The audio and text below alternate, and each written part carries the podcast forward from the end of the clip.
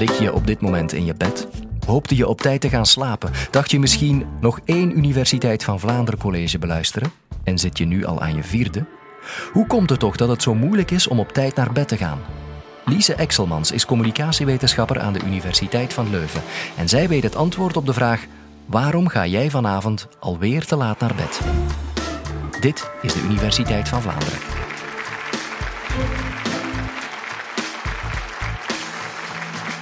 Ik weet niet hoe dat bij jullie zit, maar elke avond speelt er zich in mijn hoofd het volgende scenario af.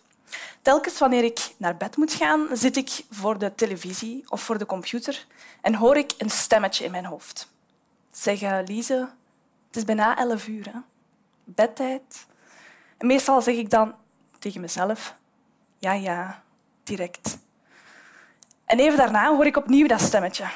Oké, direct is dan nu, dus kom. Maar ik hoor dan ook een ander stemmetje en dat zegt, hoe nu al? Je hebt keihard gewerkt. Nog eentje. En ik vind dan dat dat tweede stemmetje een heel goed punt heeft. En s'morgens sta ik dan op, veel te moe, en dan begrijp ik eigenlijk niet wat mij de avond ervoor bezield heeft.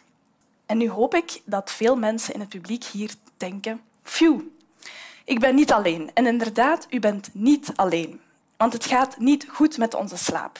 En dat is een probleem, want slaap is een beetje de naft van ons lichaam. We kunnen wel even op reserve voort, maar lang gaat dat niet duren. Mensen die te weinig of niet goed slapen, die lopen een groter risico op hart- en vaatziekten, op depressie, zwaarlijvigheid en hebben moeite om zich te concentreren. 10 tot 20 procent van de verkeersongevallen die zijn vaak te wijten aan vermoeide chauffeurs. Maar laten we vooral even de proef op de som nemen in deze zaal. Hoeveel mensen vinden hier dat ze vaak moe zijn? Je ziet dat er een aanzienlijke hoeveelheid handen in de lucht gaan.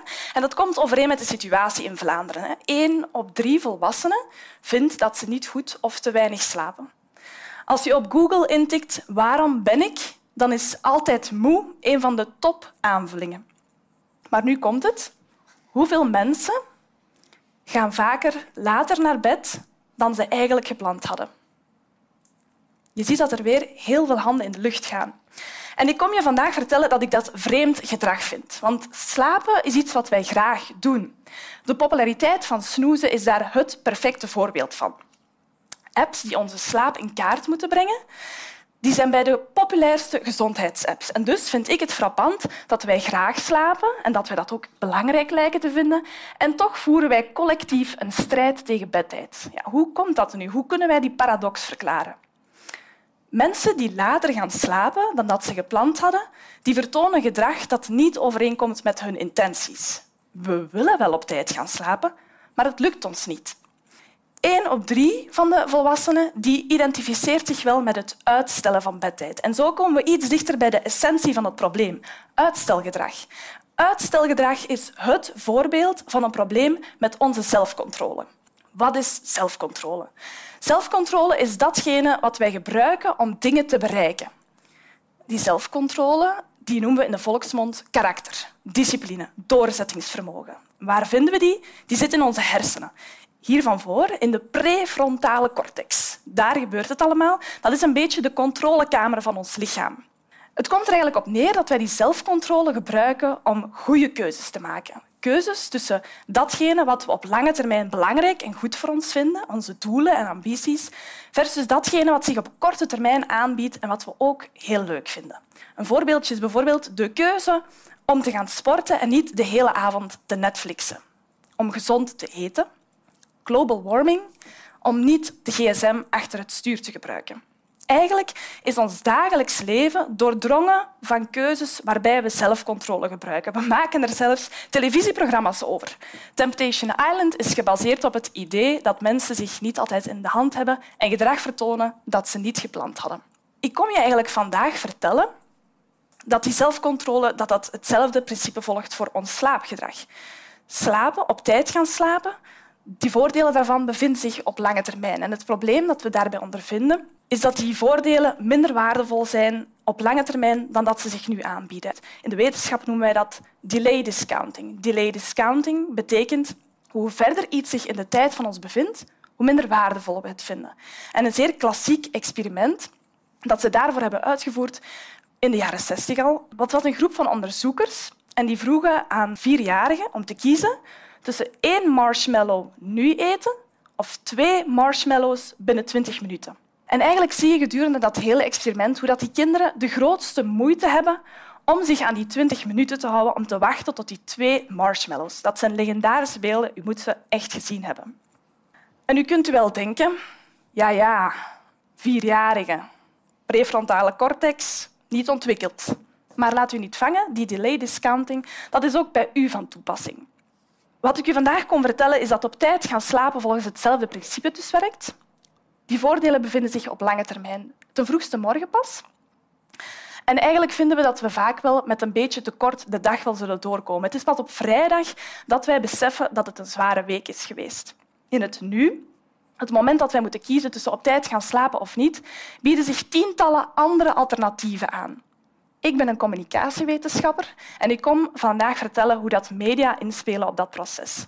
Mijn onderzoek bestaat eruit om grote groepen van Vlamingen te bevragen over welke rol dat media speelt in hun leven, hoe ze dat ervaren, welke gevoelens dat, dat bij hen oproept en hoe dat, dat gelinkt wordt aan hun slaapgedrag. Even een wake-up call, toepasselijke metafoor voor dit topic.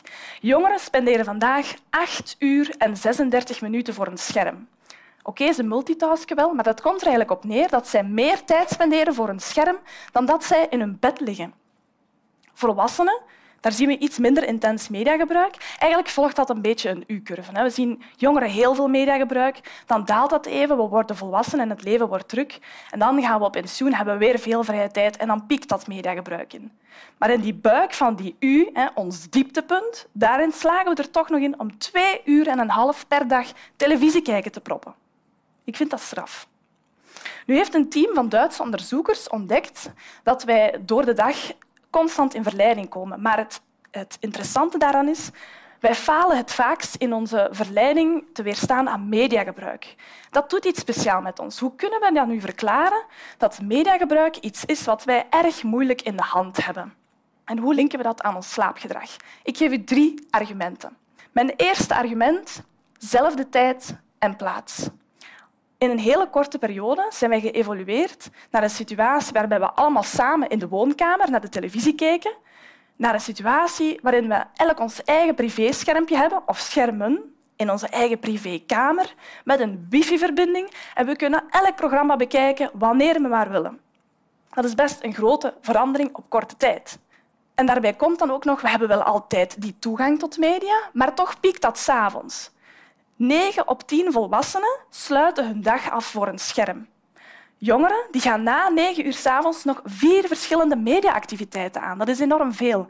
En het stopt niet meer in de woonkamer. We nemen de media gewoon mee naar ons bed. Op ons nachtkastje daar ligt een tablet, een smartphone, wat je maar wil. Mijn eerste punt is dus, om een verleiding te weerstaan, moet er een verleiding zijn. En de media zijn er constant en is een een hele grote toegankelijkheid. En dat maakt dat wij het heel moeilijk hebben om aan die verleiding te weerstaan en dat we dus zullen media gaan gebruiken, ook al komt dat niet echt overeen met ons lange termijn doel. Eerste argument. Mijn tweede argument, weinig kosten en heel veel baten. Mediagebruik is een prima tijdsinvestering.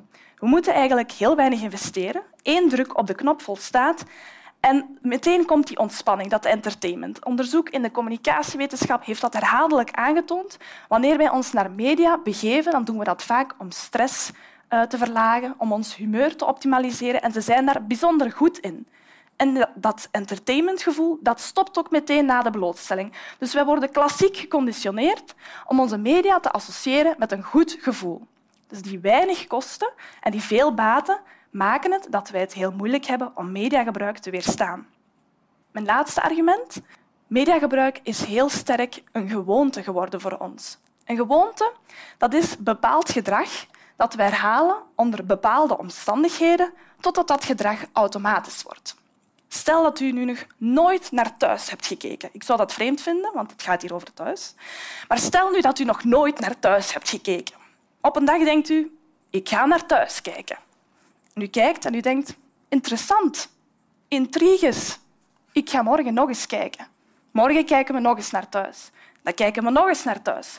En we kijken een hele week naar thuis. En de week erop denkt je daar niet meer aan. Dan volstaat het dat het half negen is of dat je de televisie ziet en dan kijken we naar thuis. En op dat moment is thuis voor ons een gewoonte geworden. We draaien op automatische piloot. Dat is een impuls geworden. En een impuls dat is iets heel tricky. Dat doorbreekt je niet zomaar. Dat is eigenlijk ook een beetje een verklaring voor waarom mensen een gsm gebruiken achter het stuur. Het is niet dat elke bestuurder denkt, als hij zijn gsm hoort, hmm, hoe graag wil ik hier nu een ongeval veroorzaken? Nee, ze horen het geluid van een smartphone en ze hebben geleerd, er valt iets te beleven als ik dat, als ik dat toestel opraap.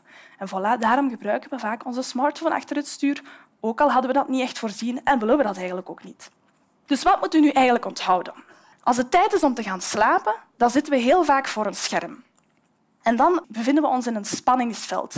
We kijken naar de korte termijn voordelen van dat mediagebruik en wat ons dat gaat kosten op lange termijn. En voor onze slaap, die kosten die lijken op dat moment niet zo belangrijk. Dat is ten vroegste morgen pas en een uurtje minder slaap, dat kan ik nog wel aan, denken we dan. Die media die zitten echt ingebed in onze dagelijkse routine. Die zijn meteen rondom ons. We moeten daar heel weinig voor investeren en krijgen er heel veel voor terug. En hoe moeten we dat nu doorbreken? Nou, daarvoor hebben we dus die zelfcontrole nodig. Maar dat is s'avonds niet evident. Zelfcontrole is iets wat wij de hele dag door al hebben gebruikt. We zijn met de fiets naar het werk gegaan, we hebben smiddags gezond gegeten, we zijn vriendelijk geweest tegen iedereen. En s'avonds denken we, nu mag ik mezelf toch even verwennen. En dus kijken we wat langer televisie. En dus gaan we later slapen. En wat is nu eigenlijk het probleem? Want ik ga het hier allemaal nog een beetje dramatischer maken. Slaap is cruciaal om onze batterijen op te laden. En in die batterijen zit ook die zelfcontrole. Als je niet goed of niet voldoende slaapt, dan merk je dat, dat je niet zo fris bent, dat je een kort lontje hebt, dat het allemaal snel een beetje veel wordt. En dat is een signaal dat jouw zelfcontrole niet voldoende werd opgeladen. Dat betekent dus ook dat we heel snel in een vicieuze cirkel kunnen terechtkomen. Als we te weinig slapen, hebben we weinig zelfcontrole, waardoor we vaak weer te laat gaan slapen en veel media gebruiken. En we hebben weer te weinig zelfcontrole. En hup, dat proces zet zich voort en je bouwt een chronisch slaaptekort op. Bon. Mijn mini-college is voor jullie misschien redelijk deprimerend geweest. Ik heb hier komen vertellen dat uw slaaptekort voor een stuk uw eigen schuld is en dat u het karakter niet hebt om daar iets aan te doen. Maar als we zelf een stukje van het probleem zijn, dan zijn we ook zelf een stukje van de oplossing. En ondertussen moet u wel geleerd hebben dat zeggen ja, maar morgen zal ik wel op tijd gaan slapen, dat dat niet zal werken. We moeten onze goede voornemens wat kracht bijzetten en dus ga ik u wat tips geven. Mijn eerste tip is breng jezelf niet in verleiding. Als je op dieet bent, koop dan geen chips. Als je op tijd wil gaan slapen, zorg dan dat je smartphone niet in de slaapkamer is. Breng geen computer mee en smijt je tv buiten uit de slaapkamer. Dat is mijn eerste tip. Zorg dat je niet in verleiding komt. Mijn tweede tip. Je moet ervoor zorgen dat je mediagebruik op een goede manier laat renderen. Er bestaan heel veel trucs die we kunnen gebruiken met technologie. Een eerste daarvan is dat je je mediagebruik kan volgen, want veel mensen onderschatten hoeveel tijd ze daar eigenlijk aan spenderen. Dat kan gewoon een dagboekje bijhouden zijn, maar er bestaan genoeg apps die in kaart brengen hoeveel je op je smartphone zit, bijvoorbeeld. En die confrontatie is vaak een hele goede trigger om je gewoontes te doorbreken. Een andere tip is bijvoorbeeld dat je je mailmeldingen uitschakelt op je smartphone en dat je bij Netflix de post-play-functie uitschakelt. Zorg ervoor dat je zelf wel beslist of dat je die volgende aflevering bekijkt en niet dat Netflix die door je strot ramt. Mijn laatste tip. Heel veel mensen beseffen eigenlijk niet dat de tijd zo snel gaat als ze media gebruiken. Ineens is er twee uur voorbij. Je moet ervoor zorgen dat je bewust bent van hoeveel tijd er is gepasseerd. En dus kan je bijvoorbeeld een timer inschakelen die je een half uur voor je geplande bedtijd een klein signaal geeft, zodat je toch tenminste kan proberen om een gezond slaapritueel in te bouwen. Dus waarom ga jij vanavond weer te laat naar bed? Het ligt een beetje aan je zelfcontrole, aan het feit dat wij een enorm zwak hebben voor media en dat we het echt moeilijk hebben om dat heel goed te time managen. We hebben slechte gewoontes aangeleerd en we moeten die doorbreken. En dat doe je best met een kleine, goede stap in de richting. Vanavond gaan we allemaal op tijd naar bed. Je weet nu waarom je te laat naar bed gaat, maar ga je er ook iets aan doen? Of ga je toch nog één college voor het slapen gaan beluisteren? Bijvoorbeeld hoe constructief piekeren is.